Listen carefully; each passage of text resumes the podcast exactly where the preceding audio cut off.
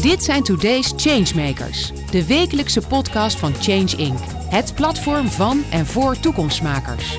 Iedere week gaat Paul van Liemt in gesprek met de mensen die vandaag al grote stappen zetten. Ze zijn open, niet bang, ze innoveren, ze voegen daad bij woord. Verandering als businessmodel. Ben jij dat? Dan zit je bij ons aan tafel.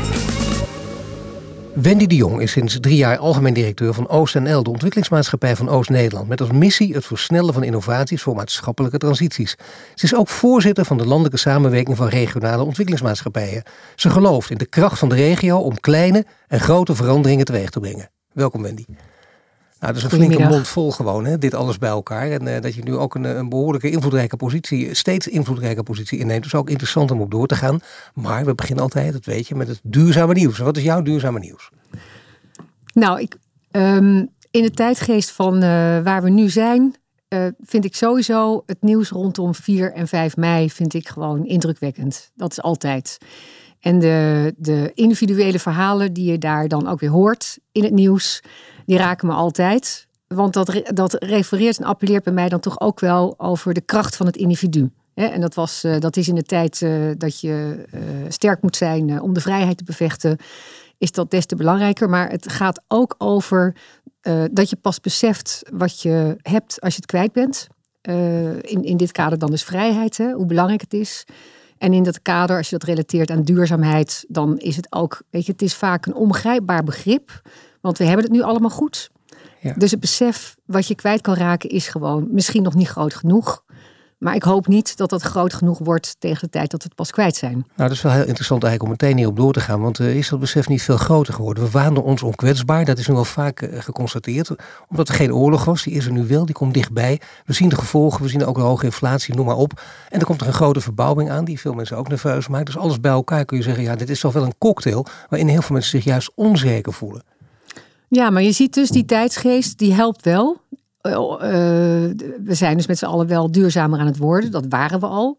Maar uh, deze context die zorgt wel voor versnelling. En dat is ook een versnelling die we heel hard nodig hebben. Dus uh, de vraag is ook, hoe kunnen we het met nog meer, uh, zonder nog meer oorlog nog wel versnellen? Want uh, de bedoeling is dat we versnellen. Ja, en daarvoor, als we versnellen, hebben we wel iedereen nodig. Iedereen moet meekomen. En ja, ik, wil niet, ik mag eigenlijk niet voor jou spreken, maar ik heb het idee dat jij en ik soms ook wel een beetje in een bubbel zitten. Jij probeert volgens mij ook veel breder te kijken, ik ook. Mm -hmm. Maar toch, wie heb je afgelopen week gesproken? Dan denk je, ja, toch veel mensen die misschien wel op deze manier ook denken, die er zo in zitten. Je moet al die mensen meekrijgen die uh, half in zitten of eigenlijk niet mee willen. Wat kun je daaraan doen, ook vanuit jouw positie? Ja, um, nou ik denk dat, dat het heel belangrijk is, is dat je uh, goed laat zien wat kansen en mogelijkheden zijn. Mensen hebben perspectief nodig. Ondernemers hebben perspectief nodig. Uh, innovatieve ondernemers, uh, je moet zeg maar wat er in hun zit, moet je aanwakkeren en aanjagen. En dat lukt vaak door ze met voorbeelden uh, te laten zien wat er kan. En dan blijkt heel veel mogelijk te zijn. En wat ook helpt is dat je laat zien dat waar zij mee bezig zijn op een andere plek ook al gebeurt. Dus hoe kun je mensen, partijen, bedrijven met elkaar verbinden, zodat ze de krachten bundelen en het dan daardoor sterker wordt. Ja, dat is inderdaad het nieuwe spel bijna. Dat doe jij trouwens ook als, ik moet het even letterlijk van mijn blaadje, want je bent voorzitter van het landelijke samenwerking van regionale ontwikkelingsmaatschappijen. Deze mond vol. Maar dat betekent dus wel dat deze maatschappijen, OCNL bestaat ook tientallen jaren denk ik. Mm -hmm. uh, wie zitten er achter de stakeholders in Gelderland, Overijssel, uh, economische zaken en klimaat ook die doen allemaal daaraan mee. En nu ben je ook voorzitter van al die clubs bij elkaar. Maar wat betekent dat? Is dat, kijk, dat lijkt een papieren functie, dat is het ook. Maar wat betekent dat in de praktijk? Wat ja, voor macht heb je met andere woorden? Het is geen papieren functie. Oh, nee. kijk aan. Oh, sorry, nee, neem meteen terug. Ja, nee, het is echt. Uh, de, daar werken alles bij elkaar 600 mensen. We hebben alles bij elkaar 2,5 miljard euro om te investeren. Uh, we investeren echt in start-ups en scale-ups met elkaar. Uh, uh, we werken businessplannen uit die uh, naar boven komen uit die regio's. Uh, we trekken internationale bedrijven aan om zich in Nederland te vestigen. Die passen in nou ja, de, de transities die we willen.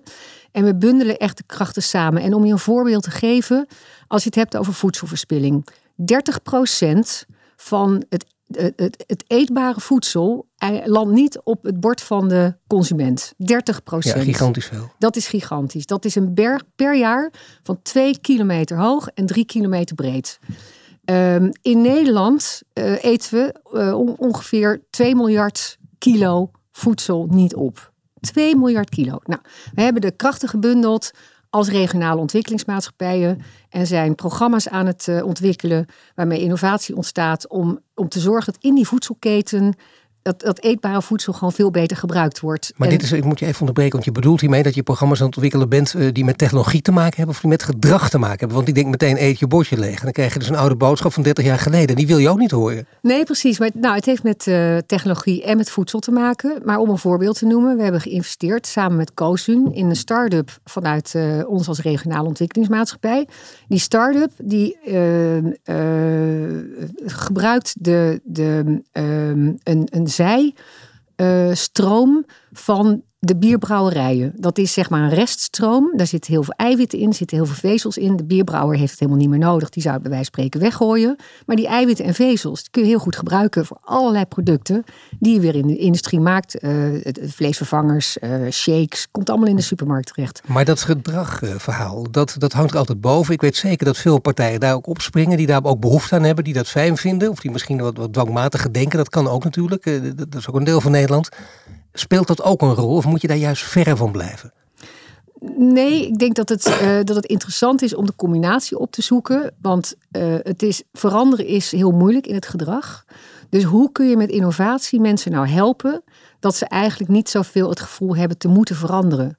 He, waterverspilling bijvoorbeeld. Als je zuinigere douchekop hebt, dan kun je nog steeds lang douchen, maar dan verbruik je toch minder water dat, ik, ik wil niet zeggen dat je korter moet douchen, maar die zuinigere douchekop heeft wel geholpen. Maar een veel beter verhaal. Maar dat, ik vind het voorbeelden echt goed en illustrerend. Omdat uh, dat verhaal van je mag maar zeven minuten douchen en met een beetje streng vingertje erbij, dat blijkt toch moeilijker voor mensen. Ja, Daar dus, houden we niet van. Dus, dus je moet ze helpen. En innovatie. En ik geloof absoluut dat we wel moeten veranderen. Dat ook. Maar innovatie kan ook helpen die verandering te versnellen. In plaats van dat we wachten op die, alleen maar op die gedragsverandering. Kijk even naar een glas water dat er naast je staat. Naast mij staan over twee glazen water. Dat is geen verspilling, want ze gaan echt helemaal leeg. Maar ja, het wil wel zeggen dat als ik daar bijvoorbeeld wat minder water in zou doen, dat zou al helpen. Dat zijn dan van die kleine trucjes.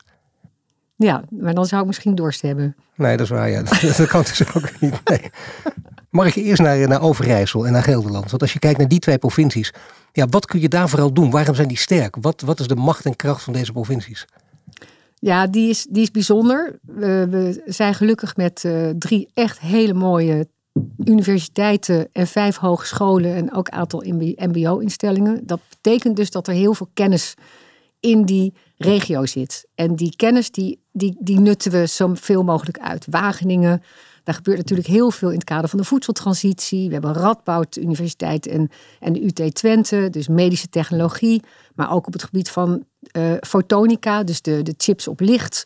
Um, deep tech is dat? Ja, deep tech. Om een voorbeeld te noemen. We willen natuurlijk uiteindelijk allemaal chips waar je eh, mee kan voelen en horen en zien en bewegen. Nou, dat, dat, uh, dat betekent dat je op, op microniveau moet gaan puzzelen hoe je dat allemaal inricht. Nou, dat, dat gebeurt in Twente. Integrated chip technologie, om maar een voorbeeld te noemen. Maar dat is echt ja, dat is gewoon de toekomst. En daar zijn wij gewoon, uh, daar zijn wij gewoon wereldspeler in. Maar toch noem je, dit is heel belangrijk, maar toch interessant dat je ook noemt, er zijn MBO-instellingen. Want de kinkende kabel van de energietransitie is vaak de uitvoering. En je merkt bij veel CEO's, ook bij veel bestuurders, met heel, die heel veel goede ideeën hebben, die ook heel veel kunnen.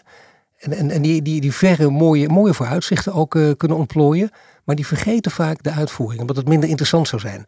En terwijl, ja, we hebben dadelijk mooie plannen, maar wie moet ze uitvoeren? En dat lopen we nu al jaren tegenaan. De arbeidsmarktkrapte blijft ook twintig jaar duren. Dat zeggen bijna alle uh, arbeidseconomen, van links tot rechts. Hoe kun je daar iets aan doen, vanuit jouw rol? Ja, wat, wat interessant om, uh, om als voorbeeld uh, te geven. ASML bijvoorbeeld heeft echt een behoorlijk aantal mbo-studenten. En hbo-studenten en natuurlijk universitair. Maar echt ook heel veel. Eh, mensen associëren heel vaak high-tech met, met hoog intelligent. Maar het is echt. Uh, uh, MBO-studenten die, uh, die zijn op de manier waarop zij werken weer intelligent. Slim met de, met de handen. En dat moet ook gewoon echt gebeuren. Dus je hebt ze echt op allerlei mogelijke manieren nodig. Um, wij hebben uh, expliciet niet een rol in de Human Capital Agenda van Nederland.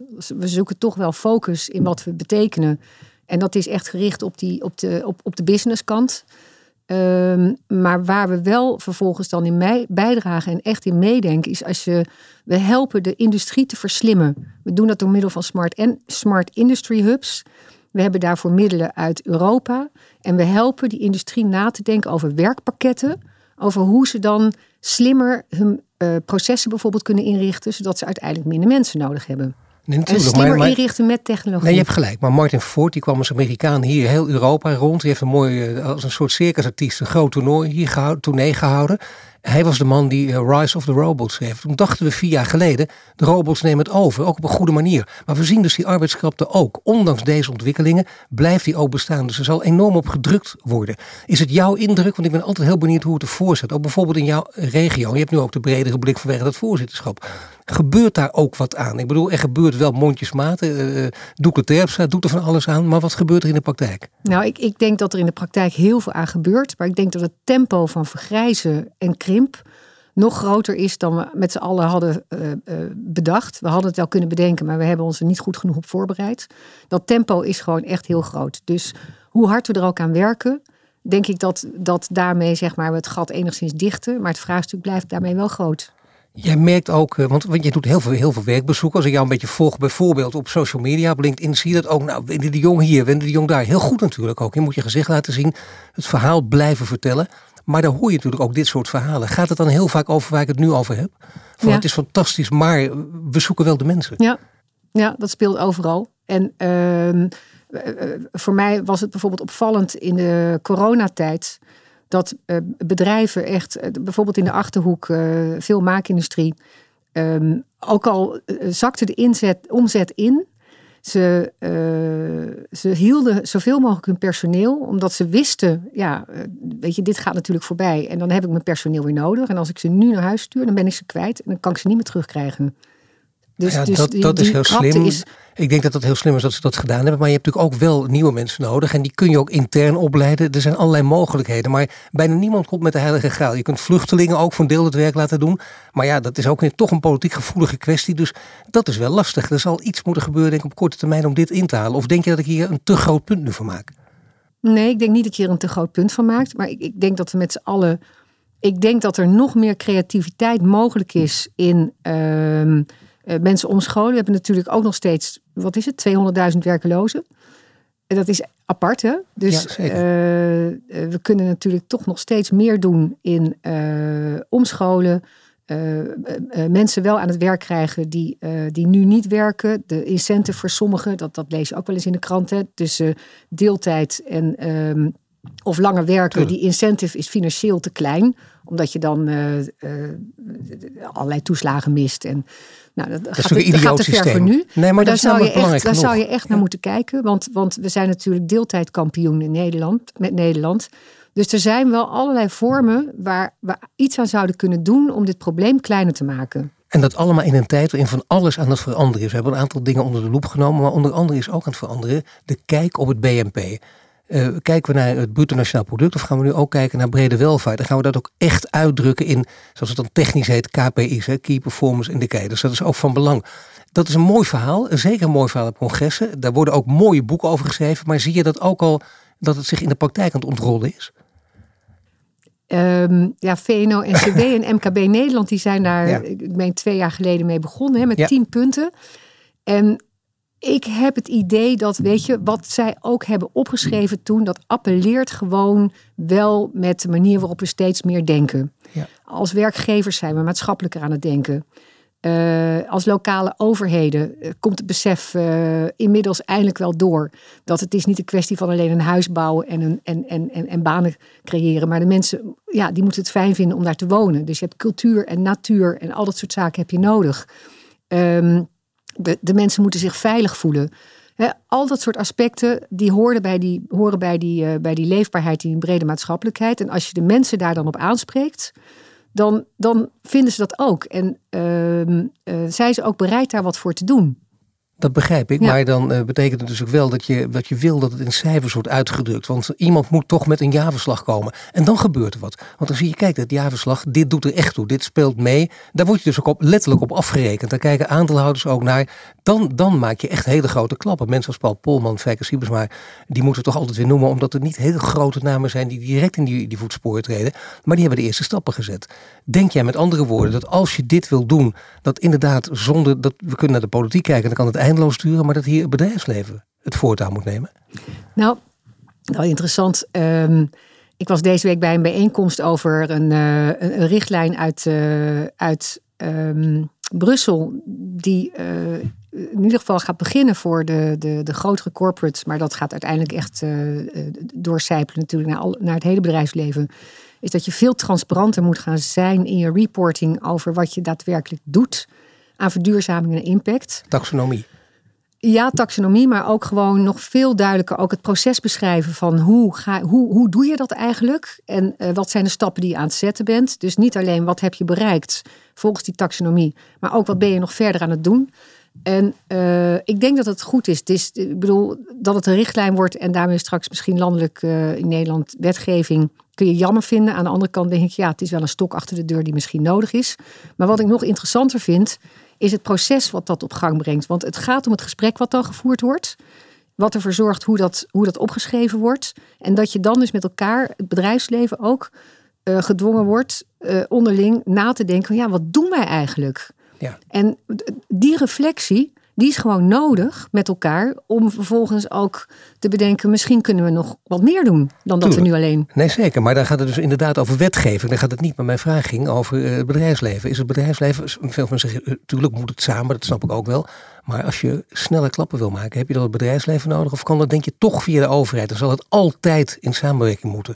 Je zit er gewoon middenin, je kent de praktijk en je, ziet wat, wat het beste werkt ook. Ja, nou ik, ik geloof heel erg in de kracht van het bedrijfsleven ik zie echt een enorme intrinsieke drive bij al die bedrijven en al die ondernemers om wat te betekenen. En ja, ze moeten allemaal uiteindelijk ook geld verdienen, maar ze, allemaal verdienen ze geld op een uh, steeds duurzamere manier. Dus ik zie een enorme intrinsieke drive. En vervolgens denk ik, er is absoluut een, een, uh, een combinatie nodig tussen dat bedrijfsleven en die overheid. Die overheid die moet kaders geven en die moet, moet, moet zorgen dat het mogelijk wordt. En zo duidelijk mogelijk, ook, ja. daar ben je echt bij gebouwd op, op lange termijn. Ja, en, en soms daar waar mogelijk komen bijvoorbeeld de regionale ontwikkelingsmaatschappijen weer uh, om de hoek kijken, maar ook andere uh, als InvestNL of gewoon allerlei andere spelers overheid moet soms ook uh, middelen uh, aan de voorkant beschikbaar stellen. Om ervoor te zorgen dat eerste stappen gezet worden. Want vaak zijn die eerste stappen, ja, die zijn verlieslatend. Dat is een onrendabele ja, top. Maar niet, daar moet je doorheen om vervolgens die, die volgende stappen te kunnen zetten als bedrijfsleven. En dus in die combinatie, maar iedereen moet wel in zijn eigen rol blijven. Dus de overheid moet wat mij betreft niet te dicht erop. Geef gewoon ruimte uh, aan, aan, die aan het bedrijfsleven, aan die regio's, meer aan die lokale overheden die echt heel goed weten wat er kan en wat er nodig is. Maar dan, als, als we dit voor elkaar krijgen en als die regelgeving dus ook uh, gewoon snel wordt uitgerold, dan betekent dat je, laten we zeggen, een hele reeks polmannen en, en, en cybersmuis opeens gaat krijgen in het bedrijfsleven. Die ook anders gaan denken, die misschien ook wel kwartaalcijfers gaan afschaffen, omdat je dan wel heel erg op de korte termijn aan het focussen bent. Ja, en weet je wat zo leuk is? Ik denk, iemand als Polman, die was op een bepaalde manier zijn tijd vooruit. Ik denk dat je er nu al heel veel hebt. Er is echt iets maar veranderd. maar twintig. Nou, uh, ja, dat, dat, gaat te ver. Maar ik bedoel, de, de, regio ja. waar ik werk, ik kom daar echt alleen maar echt ja. intrinsiek gedreven uh, ondernemers tegen. Die, die, die hier kansen in zien. En die zeggen, ja, weet je, dit is de nieuwe tijd. Ik heb ook kleinkinderen. Ik wil dat de wereld beter wordt. En ik ga daar mijn steentje aan bijdragen. Bosch in, in Deventer uh, is overgestapt naar het maken van uh, uh, cv-ketels op waterstof. Weet je, er zijn gewoon ontzettend veel bedrijven. Rondom Arnhem heb je een, een, een enorme kern van bedrijven die allemaal gericht zijn op het, het verder innoveren, gericht op decentrale energiesystemen. Dus dat je, dat je als bedrijventerrein in je eigen energie kan voorzien zonder dat je aangesloten bent op het net. Dat zijn we op dit moment ook aan het uitrollen bij, uh, in Zwolle op een industriepark, uh, Hessenpoort, waar we gewoon met wind en water, eigen batterijen en waterstof, gewoon de eigen energievoorziening van het hele bedrijventerrein gaan. Een Smart Energy Hub heet dat. Dus, en dat, komt, dat, dat doen niet wij, dat doen die ondernemers. Ja, nee, maar dit zijn, dit zijn hele goede uh, voorbeelden. Dat, dat is echt de, de perfecte illustratie, zou ik bijna zeggen. Dat is aan de gang. Maar die ondernemers zijn intrinsiek gedreven, dat begrijp ik. Maar die denken ook dat groene groei dus mogelijk is. Het is jou ook niet ontgaan dat er een flinke discussie over mogelijk is. En uh, dat die ook gaande is, overigens, die discussie. Er zijn ook mensen die dat ontkennen. Die zeggen: nee, we moeten allemaal consuminderen. En dat is weer een heel andere boodschap. Hoe, hoe sta jij in die discussie? Ja, maar heel eerlijk gezegd, het is gewoon niet zo zwart-wit. Het is van allebei op sommige vlakken kan je echt Slim minder. antwoord van jou, maar het, ja. toch, ik bedoel, dat klopt. Maar het is, um, dat betekent dus dat er ook, hoe dan ook, groene groei mogelijk is. In bepaalde uh, richting moet je juist groeien om te vergroenen. En, uh, en ik neem maar, maar een voorbeeld. Ik bedoel, uh, uh, plantaardige voeding uh, die is er nog veel te weinig. De, de, de, de schappen staan al wel vol met plantaardige melkproducten ja. en vleesvervangers. Maar laten we daar vooral groeien.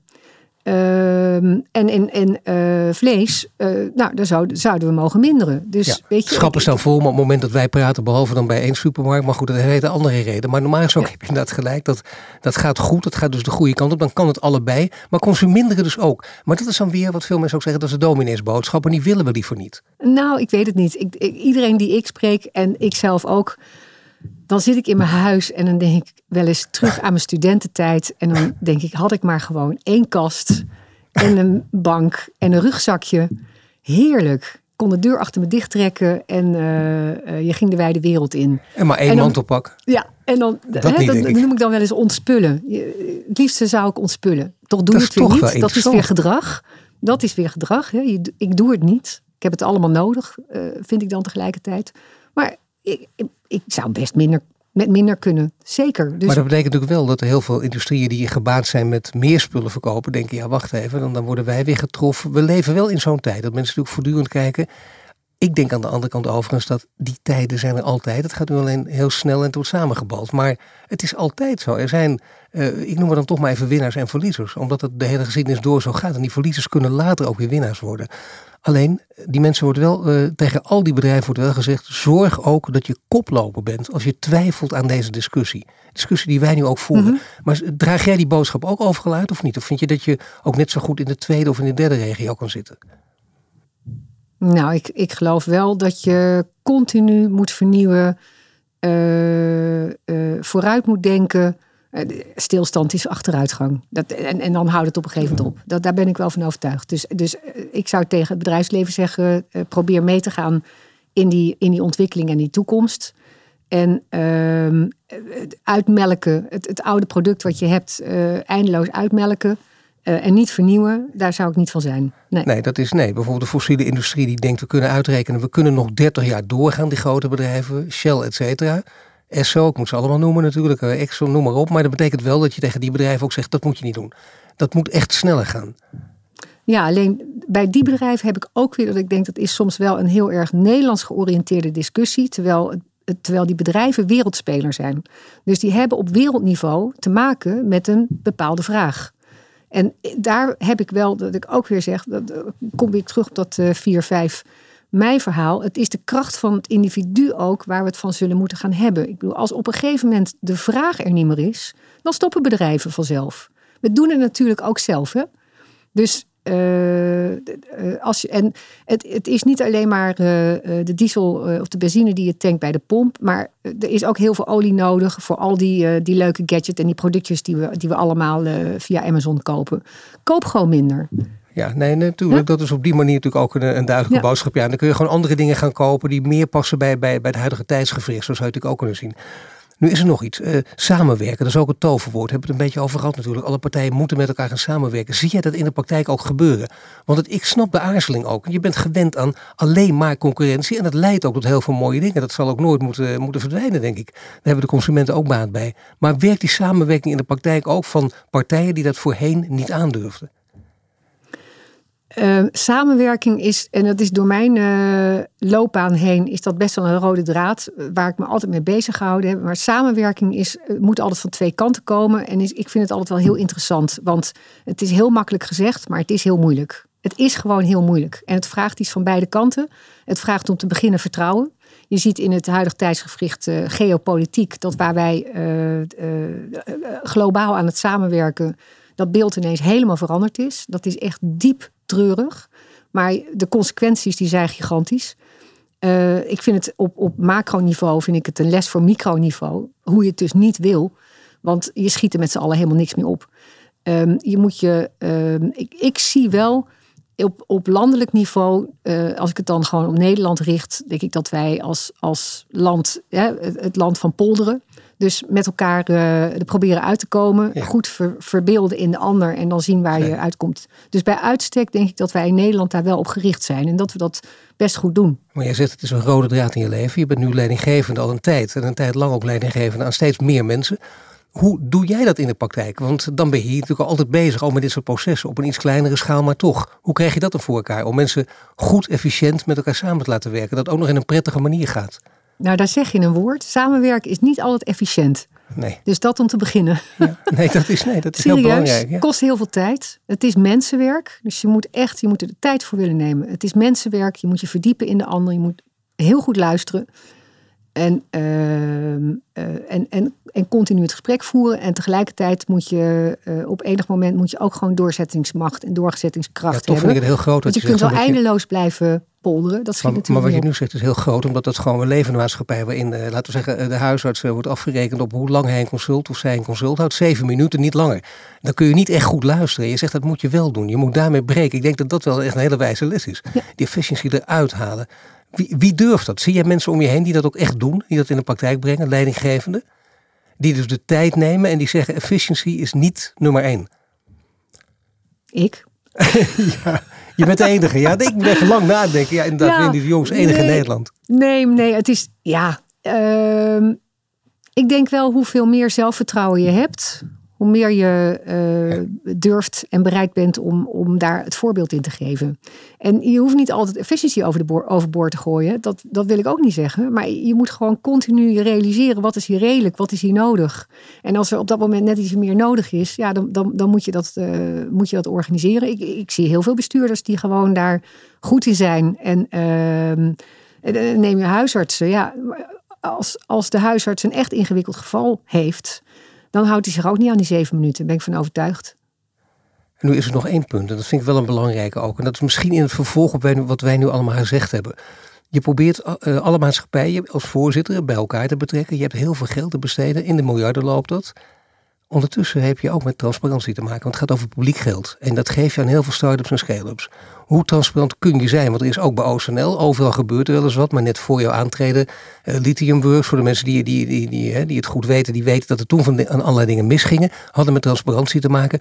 Het is niet alleen maar een modewoord. Ik bedoel, ik, ik ken je nu een beetje. Je, volgens mij ben jij iemand die dat echt in de praktijk wil brengen. Maar hoe doe je dat dan? Hoe kun je dat modewoord een handen en voeten geven? Ja, het- ik vind het een, eh, een heel interessant begrip. Want eh, ook transparantie is weer afhankelijk van de ontvanger. Hè? De ontvanger die eh, vraagt op een gegeven moment transparantie. En dan kan het best zijn dat die uiteindelijk zegt: Ja, maar ik wil meer weten. Dus ehm, je, je, laat heel veel zien. En vervolgens eh, brengt dat een boodschap over. En dan is het afhankelijk van de ontvanger of die dat voldoende transparant vindt. Ik ben er inderdaad van overtuigd dat het gewoon belangrijk is dat je laat zien wat je doet. En, eh, en dat je ook kan uitleggen wat je hebt gedaan en waarom je het hebt gedaan. Het is helemaal niet erg, zeker in het vak waarin wij zitten, eh, gaan sommige investeringen die gaan heel goed, andere gaan gewoon goed en sommige gaan mis.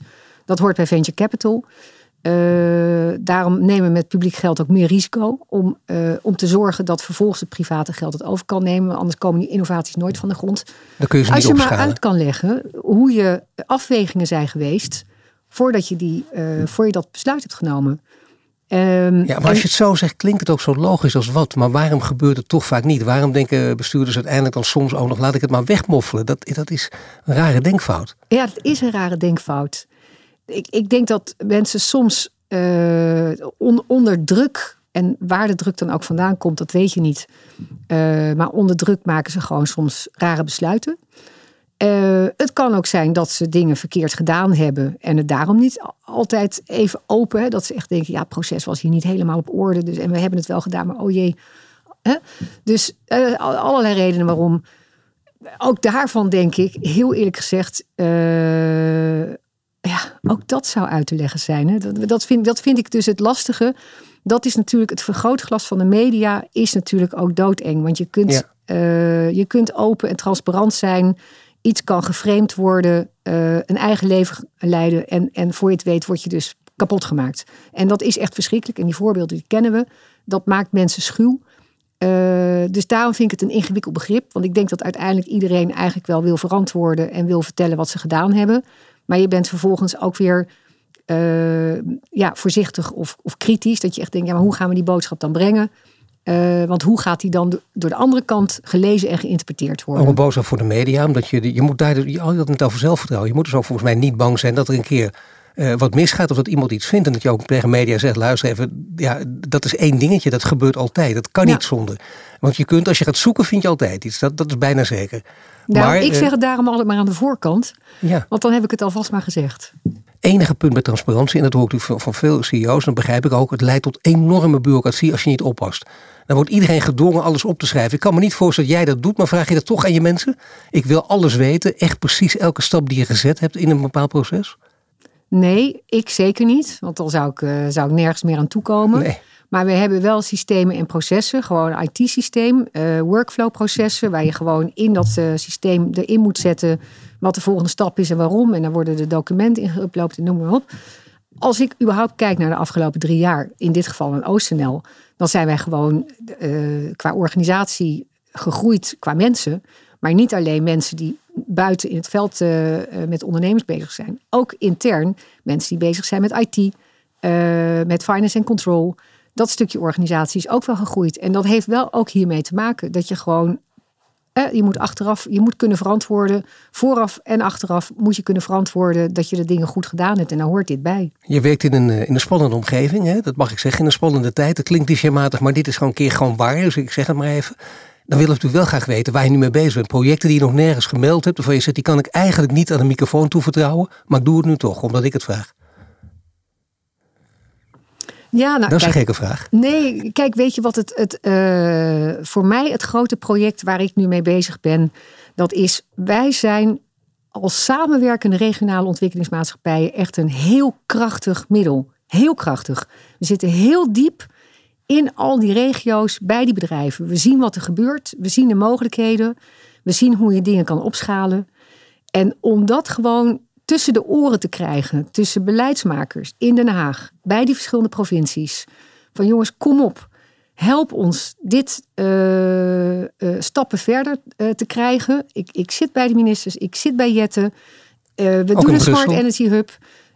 je kunt er wel 300 van in Nederland creëren. En dan van daaruit heb je gewoon een heel stuk van je, van je energieverduurzaming te pakken. Ik zit in Brussel. De kansen die er zijn, maar dat helpt, wat, daar heb je, hebben we hulp nodig. En niet alleen om ons uh, beter in staat te stellen. Dus niet alleen door ons geld te geven, maar om, om even Brussel te pakken. Brussel heeft heel veel middelen beschikbaar, maar, maar het is ingewikkeld voor een MKB-bedrijf om daarbij te komen. Dat is gewoon ingewikkeld. Dus uh, uh, ga mee naar Brussel en help organiseren dat dat beter ontsloten wordt voor het MKB van Nederland. Niet eens alleen van Nederland, maar ook van de andere landen zodat het ook gewoon op de goede plek komt. Ja, dat zou helpen en bovendien heel veel lucht geven. Nou, dit is in ieder geval een, laten we zeggen, waanzinnige ambitie. Over tien jaar sta je hier weer. En dan, ik heb het al eens eerder aan jou gevraagd, ben je dan uh, bijvoorbeeld minister-president of, of leid je dan een groot bedrijf of wat ook? Dat zou allemaal kunnen. Maar ik heb het idee dat jouw voorkeur niet bij de politiek ligt. Dat kun je misschien wel verklappen. Ja, dat klopt. Ja. Om de reden? Nou, ik, ik, ik voel me heel prettig in het bedrijfsleven. Ik vind de politieke dimensie van mijn werk vind ik ontzettend leuk en het stakeholder management. En ik, ik geloof heel erg in de kracht van het bedrijfsleven. En juist vanuit die positie uh, te helpen visie ontwikkelen van waar moeten we met z'n allen naartoe. Maar vervolgens de, de, ja, zal ik het zeggen, de snelheid van het bedrijfsleven, dat spreekt me meer aan. Ja, nee, dat begrijp ik heel goed. Dat is heel prettig voor jou, prettig voor het bedrijfsleven, jammer voor de politiek. Ik dank je wel, Wendy de Jong. Je luistert naar een podcast van Change Inc., mede mogelijk gemaakt door Ebbingen, Renewy en Vattenfall. Tot slot nodigen we je graag uit om op 29 juni live aanwezig te zijn bij de Today's Changemakers podcastopname in Amsterdam. Tijdens deze special gaat Werner Schouten in gesprek met twee nieuwe changemakers over het thema biodiversiteit of voedselzekerheid. Aanmelden kan via de link in de show notes. Bedankt voor het luisteren naar de Today's Changemakers podcast. Een productie van Change Inc. gepresenteerd door Paul van Liemt. Ben of ken jij een changemaker? Meld je dan snel aan via onze Change Inc. website. Wil je dat meer mensen geïnspireerd worden? Deel de podcast dan op sociale media.